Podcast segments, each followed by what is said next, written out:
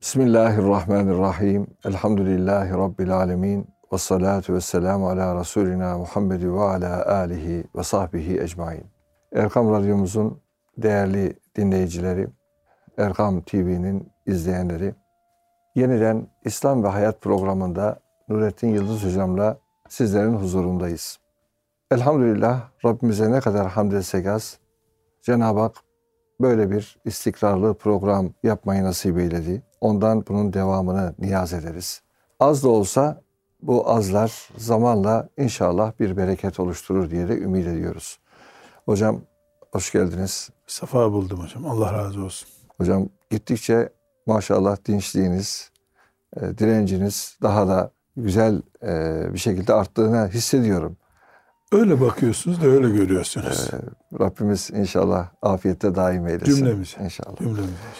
Hocam bugün şöyle bir e, konu çerçevesinde konuşsak arzu ediyorum. Hani Rabbimiz bir insanı haksız yere öldüren, bütün insanlığı öldürmüş gibi olur. Bir insanı dirilten de bütün insanlığı diriltmiş gibi olur.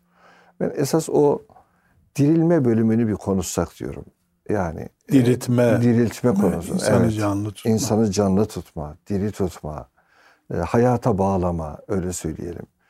Bu çerçeveyi bir konuşsak, e, bir insanı diriltmek ne demek? Rabbimizin buradaki muradı nedir? Bunu anlamaya çalışsak bu sohbette diye düşünüyorum. İnşallah. Buyurun efendim. Bismillahirrahmanirrahim. Önce şöyle bir giriş yapalım hocam.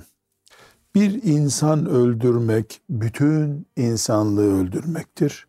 Bir insanı yaşatmak da bütün insanlığı yaşatmaktır da iki gerçek var. Birincisi bu Allah'ın sözüdür. Tabii. Celle Celaluhu. Demiş olabilir. Şöyle mi dedi acaba denmeyecek bir söz bu. Evet. Bitti. Allah böyle buyuruyor. Kur'an'da ayet bu. Ayet. Evet. Bir bunun hani derler lamıcımı yok. Aynen lamıcımı yok.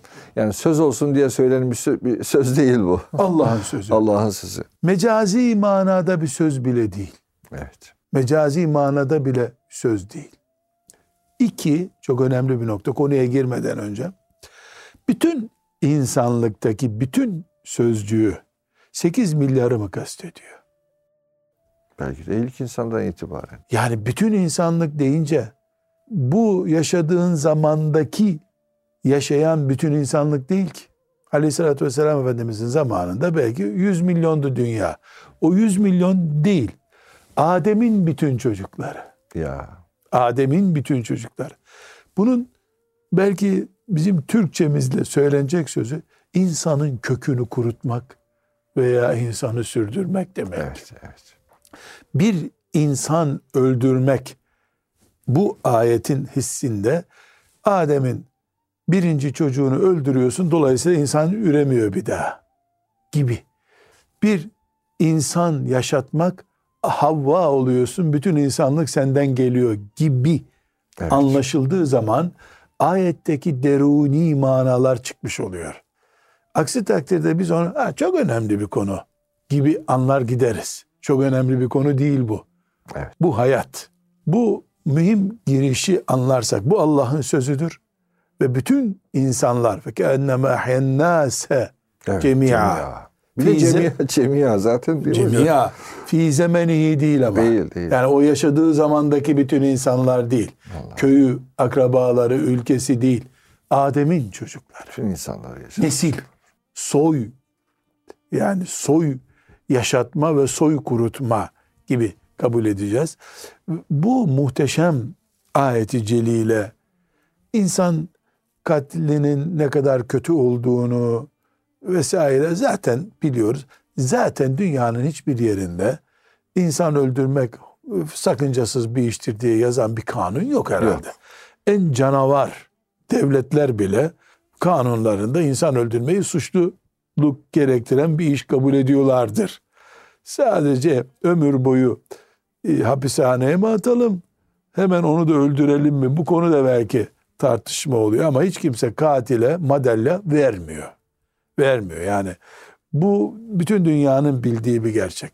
Fakat biz insan yaşatma bölümünü Sağlık Bakanlığı'nın görevleri arasında bir görev olarak algılayıp selametle gönderebiliriz. Anne olursan, doğurursan eh sen de çok değerli bir iş yapmış olursun, bir insan yaşatmış olursun gibi olarak algılayabiliriz. Bunu böyle algılamadığımızı ispat eden sözler yapacağız. Herkes bir anadır. Herkes bir sağlık bakanıdır. Herkes bir doktordur. Misyonuna getirmeye çalışacağız. Bir de bir mesele daha var. Bütün insanlığı yaşatma gibidir deyince yani ne çıkıyor bundan? Bir insan yaşatmak bütün insanlığı yaşatmak gibidir dediğimizde yani ne elde ediyoruz? Ya bir insan doktor olup bütün insanların şifasına yönelik bir hayırlı hizmet yapıyor. Milyonlarca insan onun katkısıyla Allah'ın lütfuyla yaşıyor. Bu bu demek mi? Evet bu demek. Havva olup her doğan insanda senin adın var. O demek mi? O demek. Yani ölçümünü sadece Allahu Teala'nın yapabileceği büyük bir iş bu. Evet. Yani bir çerçeve çok yaşam. geniş yani. Evet. Çok geniş. Evet. Bizim sıkıntımız üstadım. Ben size canım Adem hocam benim dediğimde siz bana ah Nurattin sevgili kardeşim dediğinde yani bunun bir sınırı var. Yani Adem hoca beni seviyor. E ne olur severse bayramlarda tebrik eder. Programda beraber konuşuruz. Yani bunun açılımı 10 cümle, 20 cümle bilemedin 25 cümle olacak. Allah bir kulu severse bunu biz insanın sevmesine benzettiğimizde çok batık bir düşünceye batmış evet. oluruz. Allah bir ödül verirse bu yani insana Sağlık Bakanlığı'nın verdiği, devletin verdiği hani devlet nişanesi diyorlar. Devlet ödülü, plaketi diyorlar. Böyle bir şey zannetmek çok basite harcamak. Yani Kur'an-ı Kerim gibi bir kitap bütün insanlığı ihya etmek, yaşatmak gibidir buyurduğunda bunu biz yani 50 tane çocuğa mama vermek sevabı gibi bir sevap zannederiz ki dünya zaten böyle dar anlayışların yeri. Evet. Bu ödül yani bütün insanlığı yaşatmak veya bütün insanlığın ölümü gibi bir suç artısı ve eksisiyle değerlendirdiğimizde bu ancak cennet terazisiyle tartılabilir. Ancak cehennem cezası ile cezalandırılabilir büyük bir iş demektir. Evet. Binaenaleyh bir çocuk, bir büyük, bir yaşlı, bir hasta her kimse onun yaşamasına katkıda bulunmak demek kesinlikle dünyada anlaşılabilir bir şey değildir. Zaten biz bunu 8 milyar insana sıkıştırıp bitirip zaten berbat ettik bu ödülü. Bu ödülü berbat ettik. Bu önemli bir nokta. Bir önemli nokta daha temas edip konunun mukaddimatı olarak bunları anlatayım istiyorum. Şimdi üstadım insan yaşatmak. Evet. Bir fizyolojisini yani insanın biyolojisi dahil bu bedenini yaşatmak isabetli. Tamam. İnsanın onuru gittiğinde kaç para ediyor insan? Değil mi? Haysiyet, prestij dediğimiz şey olmayınca insan kaç para ediyor? Mesela insanı öldürmüyorsun, ölümden kurtarıyorsun, kelepçeleyip bir kodese hapse atıyorsun. Orada ekmeğini suyunu da veriyorsun. Gerçekleşiyor mu acaba bu? Hürriyeti, onuru, prestiji yok edilmiş bir insan yaşıyor mu acaba? Değil mi? Demek ki yani burada yaşıyor denir mi bilmiyorum yani. Böyle bir insan nasıl yaşıyordur? Evet. Yani öldürmedik, ölümden de kurtardık üstelik, sakat bıraktık.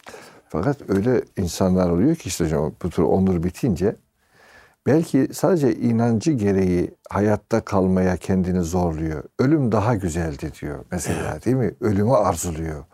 Yok oluşu arzuluyor.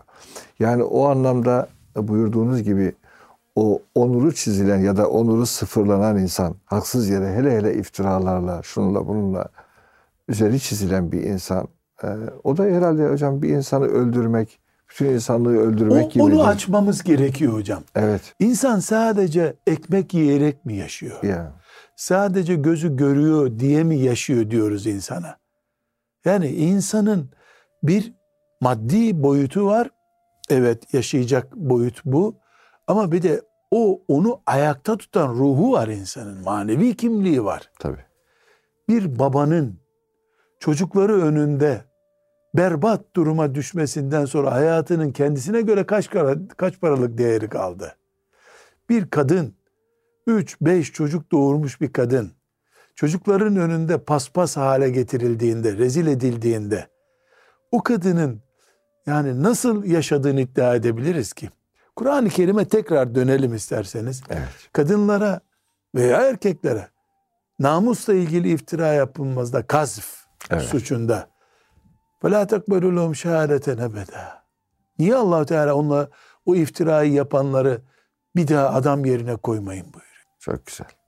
Hatta Yani şahit ka- olmalarını istememek adam, adam yerine, yerine koymak. koymuyor. Çok Çünkü güzel. neden? Hani biz bir işe girmek için savcılıktan beraat alıyoruz ya. Tabii. Vermeyin onu allah Teala. Mahkemelere giremiyor. Adam yerine konmuyorlar. Adam yerine konmuyor. Neden? Bir kadına iftirada bulunmuş. Bir erkeğe iftirada bulunmuş. Namusla ilgili iftirada bulunmuş. Hatta hocam çok enteresan fakirlerimizin bazıları kadın mesela Rabbim bizi dinleyenler ve ümmetimizi böyle şeylerden muhafaza buyursun. Bir kadına iftirada bulunuldu. O kadının da mahkemeye gitti. Kazif cezası 80 sopa Evet. büyük ca şehrin büyük camisinin önünde cuma namazından sonra 80 sopa cezası bu. O da rezil olacak. Evet. Bir Müslümanı rezil etti çünkü. Evet. Bunu kadın helal ettim hakkımı dedi. Dolayısıyla kapanıyor mu bu dosya? Allah fukahamıza rahmet etsin. Kadın kendi hakkından ferahat edebilir. Bu dedikodudan dolayı onun torunlarının bile rezil olacağı bir hayat yaşayacak. Neyi helal ediyor ki diyorlar. Allah Allah. Helal etme hakkı yok ki kadının. Çünkü kadının böyle bir dedikodusu çıktıktan sonra Evet. helal ettin mahkeme akladı makladı bitmiyor ki bu dert. Bitmiyor. 20 sene sonra 250 sene sonra bile senin filan yerde bir nenen varmış. O nenene böyle bir şey söylenmiş. Ateş olmayan yerden duman mı çıkar?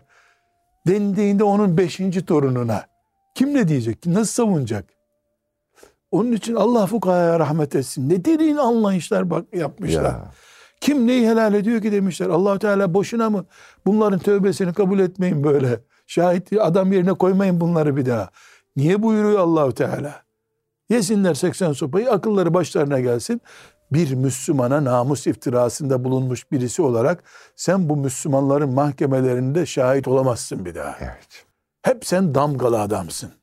Şahsiyetin defolu senin. Çünkü bir Müslümanı incittin. Bu Kur'an hükmü mü hocam böyle? Kur'an hükmü. Bu tartışılabilir mi? Haşa. Haşa. Allah'ın kelamı tartışılmaz. Peki Allah bu suçun cezasını ağır verdi diyebilir miyiz? Erhamur Rahimin olan Nasıl olur? nasıl olur? Allah'tan daha merhametli kim kime olur? Demek ki insanın onuru hocam bedeninden aşağı değil. Evet. Bir ince daha geleceğim. Diyet ve kısas konusunda maktulün yakınlarının helallik hakkı var mı? Var tabi. İstemiyoruz diyeti. Evet. Kısastan vazgeçtik diyebiliyorlar mı? Diyorlar.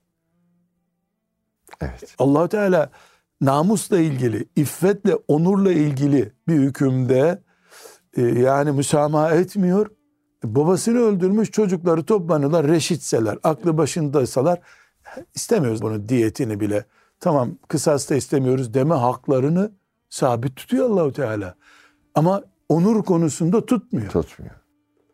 Bunda iştihat var. Bazı fakirler kadın helal edebilir hakkını diyorlar filan. Ayrı bir mesele. Biz yani burada meselemizi anlamaya çalışıyoruz. Fıkhi bir mesele münazası yapmıyoruz. Tabii.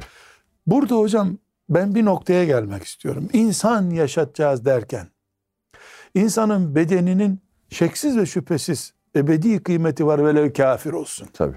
Velev kafir olsun. Yani insan dediğin şey Kabe'nin duvarlarıyla ölçülüyor da Kabe'nin duvarlarından değerli çıkıyor. Yani hocam o bedenle ilgili bir parantez sadece. Şimdi doktorlara bir şey olsun, iltifat olsun. Yani doktor ibadet niyetiyle demek ki bedenlerin yaşaması, yaşatılması noktasında o hizmetlerini çok yüksek bir ecirli bir hizmet olarak değil mi? İbadet haline dönüştürebilir. Doktorlara babı açacağız. Burada doktorlar bu işin bir numarası. Evet. Anne ve doktor. Anne ve doktor o menahyaha'nın birincisi hocam. Onlar birinci.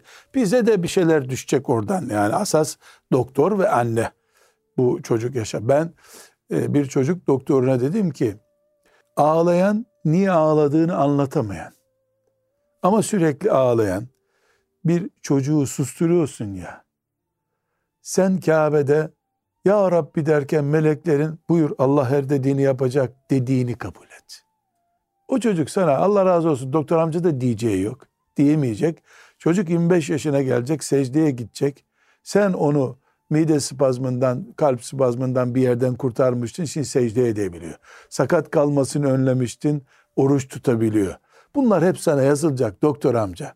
Dolayısıyla bir doktor bana ya çok kritik durumlar oluyor. Hemen ameliyata girmem gerekiyor. Bir bakıyorum 10 dakika var cuma namazına. Bir buçuk saat, iki saatte hastanın bir daha sıra alması öbür haftaya kalacak. Cuma namazı veya o hasta nasıl yapacağım? Müdürden izin alabilirim, başhekimden izin alabilirim diyor. O hastanın sağlığı ile ilgili sıkıntı var mı? Var. Senin cumanı melekler kılsın. O kadar. Çık ameliyattan öğle yıkıl. Öğle yıkıl. Allahu Ekber. Cuma namazından değerli mi? Bu soru bile sorulamaz İslamiyet'te ya. Bir insanın canı alternatifsiz bir şekilde elimde olacak benim. Birisi bana cuma namazı daha önemli diyecek. Hangi dinden bahsediyoruz biz ya? Hangi dinden bahsediyoruz? Trafik kazası oldu caminin önünde maazallah. Yolcular bağırmaya başladılar. Tam da imam hutbeden indi. Allahu Ekber Cuma'ya duracağız. Eli ayağı tutup o kazaya yardım edebilecek kimseler hemen 112'yi arayacak olanlar 112'yi arayacak. E, çıkıp orada hastaları arabadan toplamaya mı çalışıyorsun? Ne yapacaksın? Herkes cuma namazını kılabilirse yarım saat sonra kılacağız. Yok o ilgileneceğiz bir saat olacak cuma namazı kaçacak imam ihtiyarlarla kılsın. Doğru herkes can kurtarmaya. Biz İslamiyetiz elhamdülillah. Ve men ahyâ fekennema ahyen nâse cemî'a bizim kitabımız. Cuma namazı değil bayram namazını bile bırakarız. Niye? İnsan canı bu. En vakit sıkıştı namazı kılıyorum. Çocuk balkondan düşecek ben namaz kılarken gördüm. Ee, Allah'ın namazını bırakamam demek caiz mi? Değil. Katil olur insan maazallah. Bırak namazı. Hatta hiç namazın bozulmamış gibi al çocuğu balkonun kapısını kapat namaza üçüncü rekattan devam et. Namaz bozulmuyor. Can kurtardın çünkü. Biz İslamiyet konuşuyoruz. Ümmeti Muhammed Erhamur Rahimin Allah'ın Rauf ve Rahim olan peygamberinin ümmetiyiz biz. biz bizde merhamet kafire bile var, hayvana bile var, kuşa var, yılana var. Ya, yılana var, yılana böceğe var. var, var. Ya can taşıyor diyor Efendimiz sallallahu Evet, aleyhi ve sellem. evet. Can taşıyor. Hatta ve hatta Yahudi oğlu Yahudi oğlu Yahudi 70 sülalesi Yahudi adamın cenazesi geçerken insandı diye ayağa kalkan peygamberimiz var ya. Evet. Yani bunu nereye koyacağız? Yani ondan daha büyük düşmanı yok Kur'an. Peygambere inen Kur'an aleyhissalatü vesselam ne diyor? Eşedden nâsi adaveten. Ya en büyük düşmanlığı onlardan göreceğiz. Müminlerin Görüyoruz. en büyük düşmanı ya. En büyük düşmanı. Adavetillezine amenu. Evet. El Yahude. evet. Ya. Yahudiler en büyük düşmanımız. Bunu Allahu Teala Kur'an'da indiriyor. Ama peygamberi bir cenaze geçiyor diye ayağa kalkıyor. Oo kim bu diyor. Bırak ya Resulallah Yahudinin tekiydi diyorlar. Ama candı diyor. Yani insandı diyor. Evet. Bu. Bu. Ölçümüz bu. Dolayısıyla bu standartlarda bir mümin olmadıkça imanımız Kur'an standardında değil demektir. Hocam kısa bir ara verelim. Çabuk bitiyor. Yani gerçekten üç cümle söylüyoruz. Süre bitiyor gibi oluyor. Hocam o İnşallah zaman evet az zamanda çok şey söylemeyi öğreneceğiz. öğreneceğiz. Evet. Ne yapalım? Ne yapalım hocam? Bize öğretecekler bu e, kameraman arkadaşlarımız, ekiplerimiz. Aziz dostlar kısa bir aradan sonra inşallah İslam ve Hayat programında Nurettin Yıldız hocamla konumuza devam edeceğiz.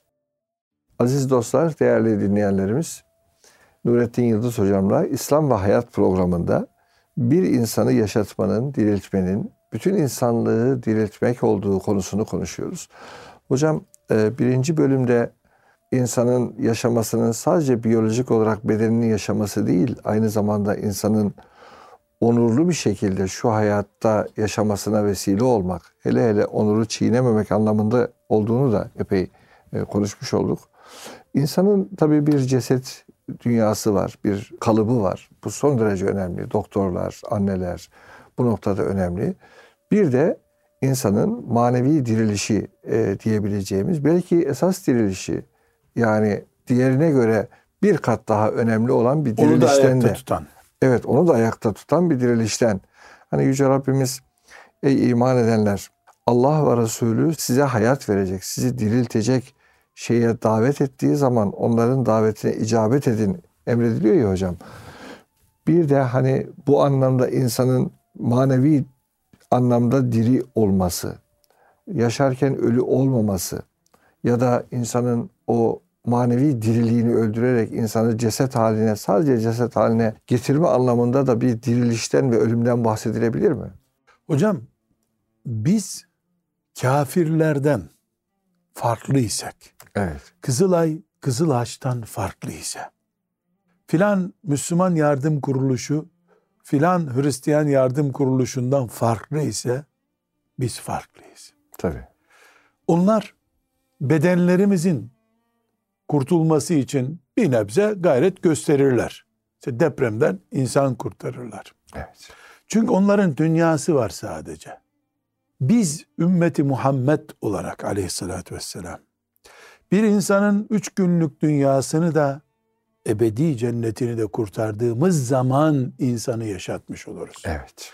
Cehennemde mangallık et haline gelmiş bir vücudu kurtarsan ne olur, kurtarmasan ne olur? Evet. Evet o da vazifemiz. Evet. O da vazifemiz. Onun için insan yaşatanlar arasında anne Evet. kat'i bir şekilde hem o taraf hem bu tarafı kurtaran kurtarıcıdır. Hem dünyada hem ahirette değil Şöyle, mi? İnsanın yani diri anne kalmasına. beden olarak seni emziriyor, kurtarıyor.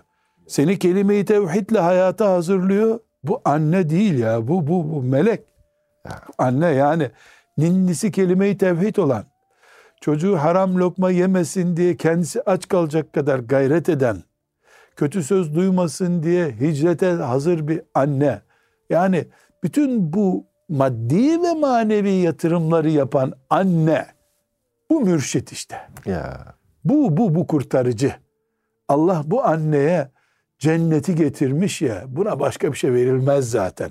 Annenin cenneti hak etmesi bundan geliyor. Men ahyaha. Evet. Fekennema ahyen nase cemia.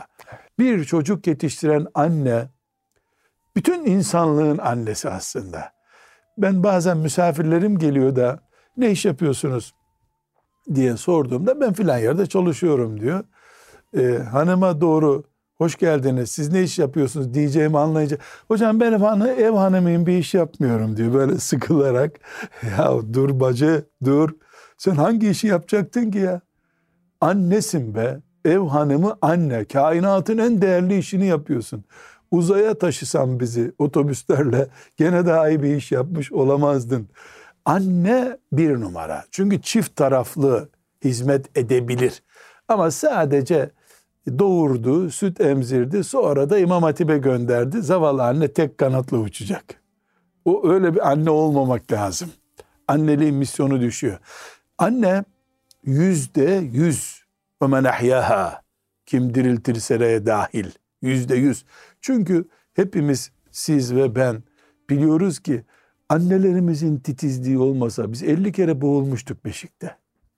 Babalarımız becerip bizi anlayamazdı bile boğulduğumuzu. Çünkü iyice bağırınca baba uyanıyor.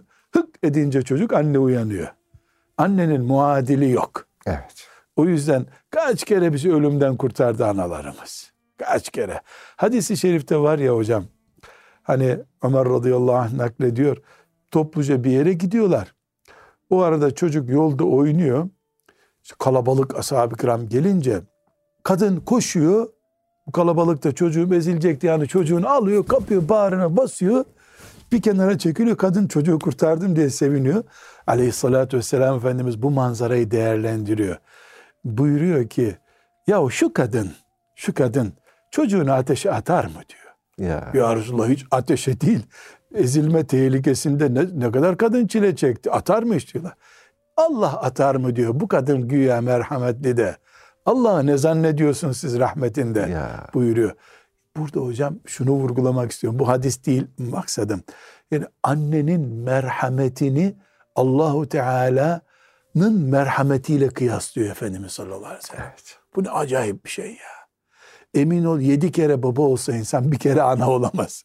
Yani işte hadiste sabit yani annelik bambaşka bir şey. Onun için üç kere baba hakkı yerine bir anne hakkı konuyor. Yani bir anne üç baba ediyor. Hadisi şerifle sabit. Dolayısıyla anne dirilten, yaşatan, yani ihya eden bir varlığın adı. Rabbim kıymetlerini bilip dualarını almayı Amin. ve genç hanımlarımızın da ana olmayı becermesini nasip etsin diye Amin, dua amin, ediyorum. Çünkü ana olmak da bir kıvam. İkinci olarak da üstadım doktor kardeşlerimizin çocuk doktorları başta olmak üzere doktor kardeşlerimizin Allah'ın lütfu ve keremiyle doğal görevi var bu konuda. Evet. Doğal görevi. Biz bir trafik kazasında alıp yardım ettik vesaire. Bizimki yani e, rastladı da oldu olacak. O da fırsatın olursa 112'ciler sana izin verirse izin vermiyorlar. Buradaki doktor kardeşimiz fıtri olarak Allah ona bir kabiliyet vermiş. Sonra da lütfedip meslek kazandırtmış ona. Her gün 50 muayene yapıyorum. 50 sancı durduruyorum diye düşünmeli. 50 çocuğun sakat kalmasını engelliyorum diye düşünmeli. Bu doktorluğun da hiçbir branşı diğerinden saygınlıkta az değil. Mesela 112'de görev yapan kardeşlerimiz 2 yıllık okul okuyup geliyorlar. Belki hiyerarşide doktorlar "Şşt" diye onları çağırıyor olabilir. Meslek içi e, ayrıntılar bunlar. Ben bu şikayetleri onlardan dinliyorum. Doktorlar bizi takmıyor hocam diyor. O neyini taksın senin? Adam 10 sene okumuş, ünvan almış. Sen 2 sene onun 5'te birisin. Ama 112'nin ufak bir gayreti bir felci önlüyor. Canın kurtulmasına Bir çocuğun oluyor. ölümünü önlüyor. Zannederim bir dahiliyeciden daha fazla misyonu var 112'cilerin. İyisi mi? Doktorların tamamını biz Onu bir bütün görelim değil mi bütün hocam? görelim. Allahu Teala kim ne kadar katkı yaptı bu işi onu görüyor. Melekler not tutuyor. Sadece Sağlık Bakanlığı not tutmuyor. Onun için 112'den 120'ye kadar ne kadar rakam varsa bütün kardeşlerimiz niyetlerini bir hayat kurtarma misyonunda Allah'ın lütfettiği bir görev Evet. diye görmeli. Sabah evlerinden besmele ve ayetel kürsi ile çıkmalılar. Niyetlerini ya Rabbi senin kullarına hizmet etmek için velev kafir olsun. Evet. Biz niyetimiz Allah'ın bir mahluku kulu diye hizmet edeceğiz. Çok önemli. 112'den 172'ye kadar kaç rakam varsa yani tıptaki branşları rakamlandıralım 112'den Evet. başlayarak öyle yükseliyor kabul edelim. Hepsi mühim bir hizmet yapıyorlar. Birinde 112 yüzde 99 ecrini alıyordur. Yani ilk müdahalede hayatı kurtarmıştır. Vesile olmuştur. Allah kurtarıyor. O men ahyâda Allah zaten canlandırıyor. tabii. Ama Ama sen- vesile Seni yapıyor. memur olarak kullanıyor. E, Allah Evet. yaratıyor, anne doğuruyor. Yani Evet. Görevlisi Allahu Teala'nın. Evet. Öbüründe yüzde yetmişe düşer. Fakat orada bile hocam değil mi? Ee, ve men ahyaha derken o ihya sıfatını Lütfedip kuluna da lütfedip yapıştırıyor kuluna- Allah Teala. Yani, e, Ya, Efendimizle ilgili Rauf ve Rahim isimlerini Cenab-ı Hak Allah'ın ismi Allah'ın ismi. Burada da ihya vasfı Cenab-ı Hakk'ın olmasına rağmen mecazen de olsa mecazen de olsa onu yapan insana Allah sanki o sıfatı e, meccanen kullandırıyor. Lütfu, Allah'ın lütfu. lütfuyla, keremiyle kullandırıyor. Burada küçük bir not açarak devam edeceğim. Doktorluk kelimesinde branş gerektiren işlere müdahale ihyadan uzak bir konudur hocam. Bunu yapmamak lazım. Mesela biz yardımsever bir milletiz elhamdülillah. Elhamdülillah. Bu hoş bir şey. Fakat bir trafik kazası olmuş. Oradan kazmalarla, küreklerle arabadan adamı çıkarırken iyilik yapıyoruz İyilik aslında yapıyoruz. bu iyiliğimiz adamın 50 sene felçli yaşamasına sebep oluyor. Evet. Artık dünya değişti. Kazma ile kürekle kimseye yardım yapılmıyor. Ha şöyle bir durum olur. 112'yi aradık. 112 biz oraya 4 saatte geliriz dedi. Dağ başında bir yer diyelim. Yol kapandı, heyelan oldu diyelim ki oluyor, değil mi Oluyor böyle tabii. şeyler? Oluyor tabii. O zaman 112'de zaten şunu yapın diye tarif ediyor. Evet. Yaparız. Elimizden kaza çıktı. O doktorun elinden de öyle kaza Tabii. çıkıyor. Ama fazla işgüzarlık diyelim buna hiç uygun bir hareket değil. Vebali olur bunun. O ne güzel tam elimde bunların hayatını kurtaracağım derken adam ömür boyu kör kalır senin yaptığın yüzünden. Ben böyle izliyorum da bazen öyle bir bebek bakar gibi o hastaları oradan kazazedeleri çıkarıyorlar. Yangın da böyle. Yani mesela işte ben daha çok yıllar önce duymuştum. Gereksiz bir yangında ölmüş gitmiş birkaç kişi. İtfaiye tespit etmiş ki havasız kalmasın bunlar diye camı açmış birisi. Camı açınca da e, tutuşmuş bütün bina yanmış bu sefer. Allah Allah. Meğer ki böyle havayı kesmek gerekiyormuş daha fazla. O akıllık edip hava sağlayayım havasız kalmasın diye arkadaş kendi de yanmış. Allah. Herkes yanmış. Yani çok basit bir hata gibi duruyor bu. Evet. Ama uzmanına geldiğinde basit değil o. Onun için mesele can olunca Evet. bir uzmanlık gerekiyor. iki din yok o konuda. Evet. O konuda din yok artık. Yani din yok derken o hastanın Din ayrımı yok. din ayrımı yok. Din evet. ayrımı yok. Din her yerde var. Müslüman da gavurdu, sakallıydı, sakalsızdı. Tabii. Böyle bir ayrım yok. Tabii. Doktorun önünde herkes eşit insan olduğu için geliyor Evet. oraya çünkü. Doktor da herkese göre aynı. Uzmanını ararız, ehlini ararız. Biz kan kaybından ölecek bir hastayı getirdik. E, Müslüman bir doktor bulun bana. Böyle bir ayrım yok. Böyle bir ayrım yok. Evet uzman var yani sen e, pratisyen doktorsun karışma hastama derim. O da ne zaman bir saat daha yaşama şansı varsa gibi. Hocam doktorlara bir ilmihal yazsanız ya. Ne kadar güzel bir şey. Hani Doktorların okumaya vakti var mı bilmiyorum. Ama önemli bir şey. Hani Doktor hakikaten kardeşlere bir abi nasihati. Talebeyken birinci, ikinci, üçüncü sınıfta vakitleri oluyor. Güzel bir ilmihal öğrenmeliler. Şeriat öğrenmeliler.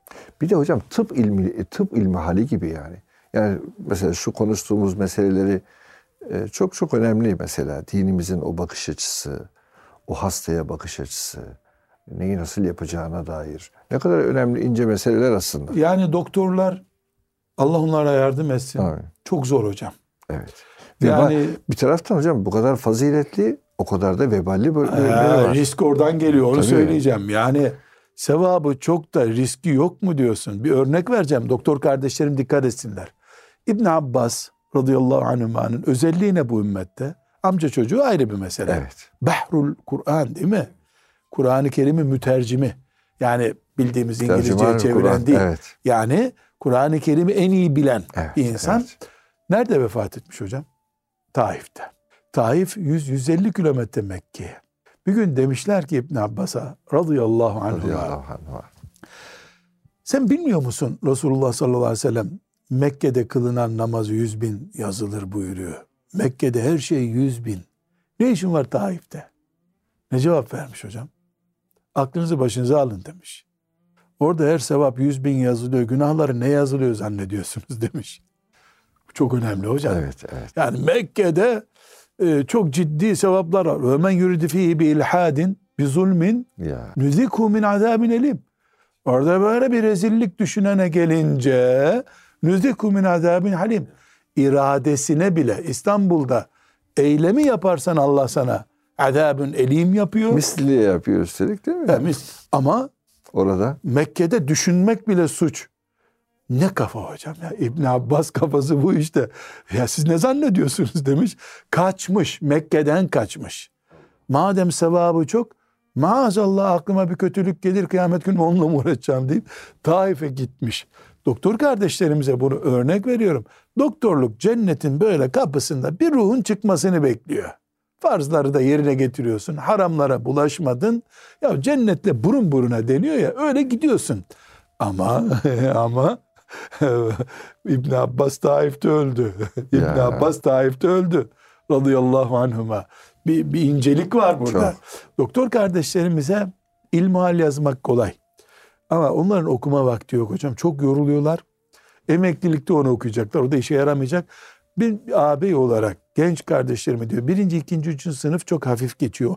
Sonraki sınıflara göre hafif geçiyor. Şimdi hemen bana cevap verecekler. Orada da çok anatomi dersi yoğundur falan diyecekler. Biliyorum da dördüncü, beşinci sınıftakine göre çok boş. Kendileri söylüyor bunu. Ben tıp okumadım. O zaman birinci, ikinci sınıfta güzel bir şeriat terbiyesi aldılar. Ömür boyu onlara yeter. Evet. Bu sizin sözünüz üzerine ben doktor kardeşlerimle tartıştığım bir konu var.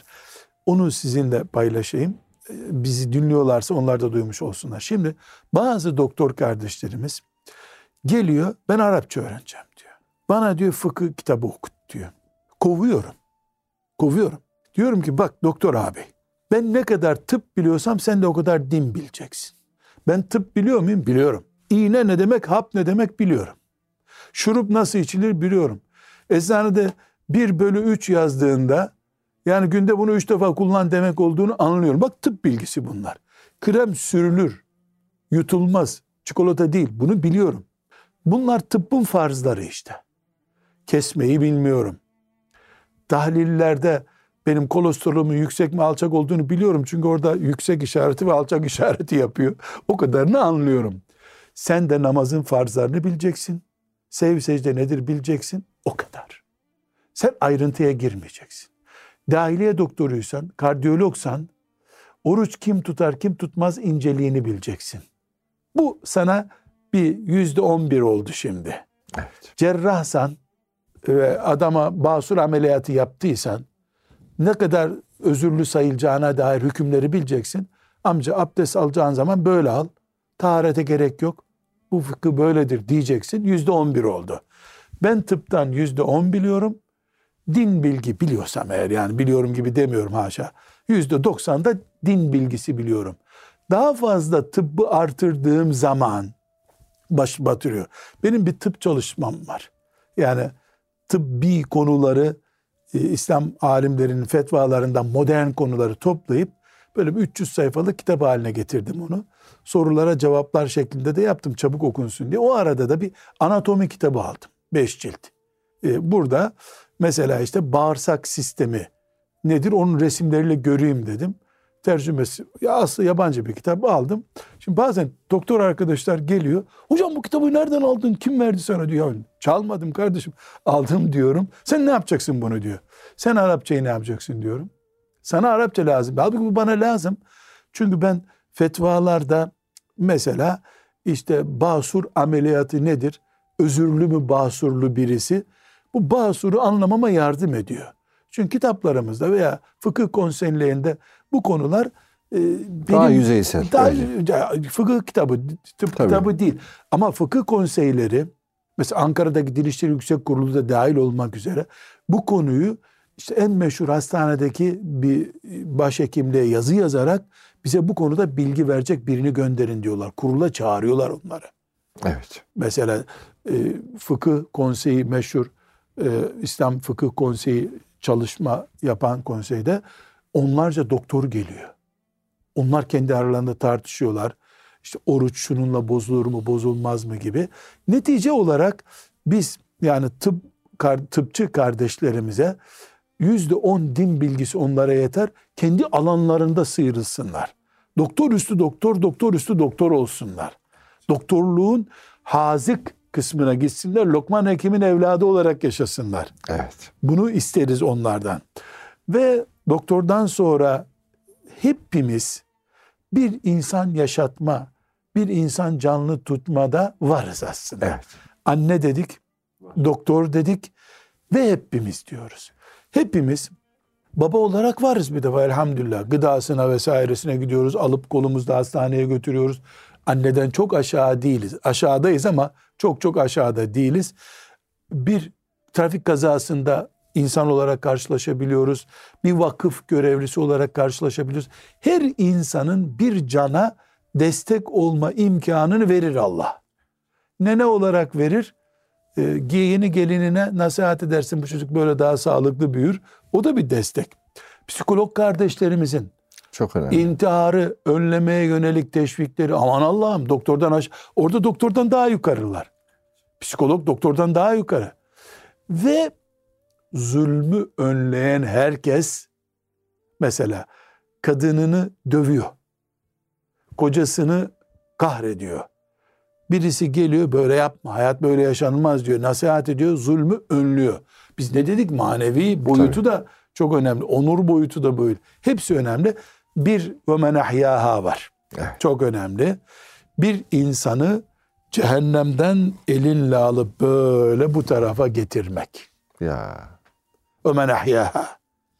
Bütün insanlığı kurtarın. Bunun adı Şeyh Efendi. Şeyh Efendi. Bunun adı cami imamı. Cami imamı. Bunun adı Hoca Efendi. Hoca Efendi. Bunun adı mahallede bir abi. Bir abi. Bunun adı bir dernek. Bir dernek. Ömen ahyaha. Evet. Ömen ahyaha. Ama özellikle biz tarihimizde Ömen ahyaha kim diriltirseyi bu hep e, dervişlerin yaptığını gördük. Meyhanelerden kiraz toplar gibi cehennemlik odun topladılar. Tekkelere getirdiler onları. Ya dirilttiler. Dirilmelerine vesile oldular. Evet. Asıl hayata kavuşturdular onları. Meyhanelerde, e, hırsızlıklarda vesairede. Fudayl bin İyad hocam. Fudayl bin İyad. Değirmen hırsızıyken Ya. ümmeti Muhammed'in gözdesi haline geldi. Kulağındaki nasihatler. Bu sebeple her birimiz bir Abdullah İbni Mübarek olabiliriz. Bir çocuğa güzel bir nasihatimiz, ebeveynini üzmemesi konusunda nasihatimiz bir hayat kurtarabilir. Kendimizi basit gördüğümüz zaman, benden ne olur doktor muyum ben, şeyh miyim dediğim zaman kim bilir Allah'ın ne büyük lütuflarını ve cennet kazanma fırsatlarını da itmiş olacağız. Hocam Allah razı olsun. Hakikaten tabii konu çok boyutlu, e, çok derinlikli meseleler var. Güzel konulara da e, işaret ettiniz. Demek ki insanın hem dünya hayatında hem bedenen hem ruh cihetiyle huzurlu, afiyet içerisinde yaşamasına vesile olmak bir ihya olduğu gibi onun ahirette, ebedi hayatta cehennemde değil de cennette bir hayat sürmesine vesile olma adına yapılabilecek her türlü katkıda bu ihyanın içinde yer alıyor. Ama en başa dönelim mi hocam? Neydi Bu o? ihya 8 milyarlık değil. Evet tabii. Adem'in çocukları. Adem'in çocukları Ve söz veren ve Allah. Cenab-ı Hak Celle Celaluhu. gerçekten bir insanın bütün insanlıkla e, böyle eşitlenmesi çok enteresan bir şey. Bir insan bir alem diyoruz. Ne fırsatlar Ee, kaçırdık kim bilir. Ya evet. Cenab-ı Hak inşallah hocam böyle bir ihya merkezli bir e, hayat sürmeyi birilerinin hayatta en güzel şekilde bir kulluk yapabilmesi, yaşayabilmesi adına her birimize güzel kapılar açsın, vesileler Amin. kılsın Yüce Amin. Rabbimiz. Aziz dostlar bir programın daha e, istemesek de sonuna geldik. Cenab-ı Hak hepimize hayaten tayyibe, tertemiz bir hayat sürmeyi, tertemiz hayatlara vesile olmayı nasip eylesin Amin. efendim. Allah'a emanet olunuz.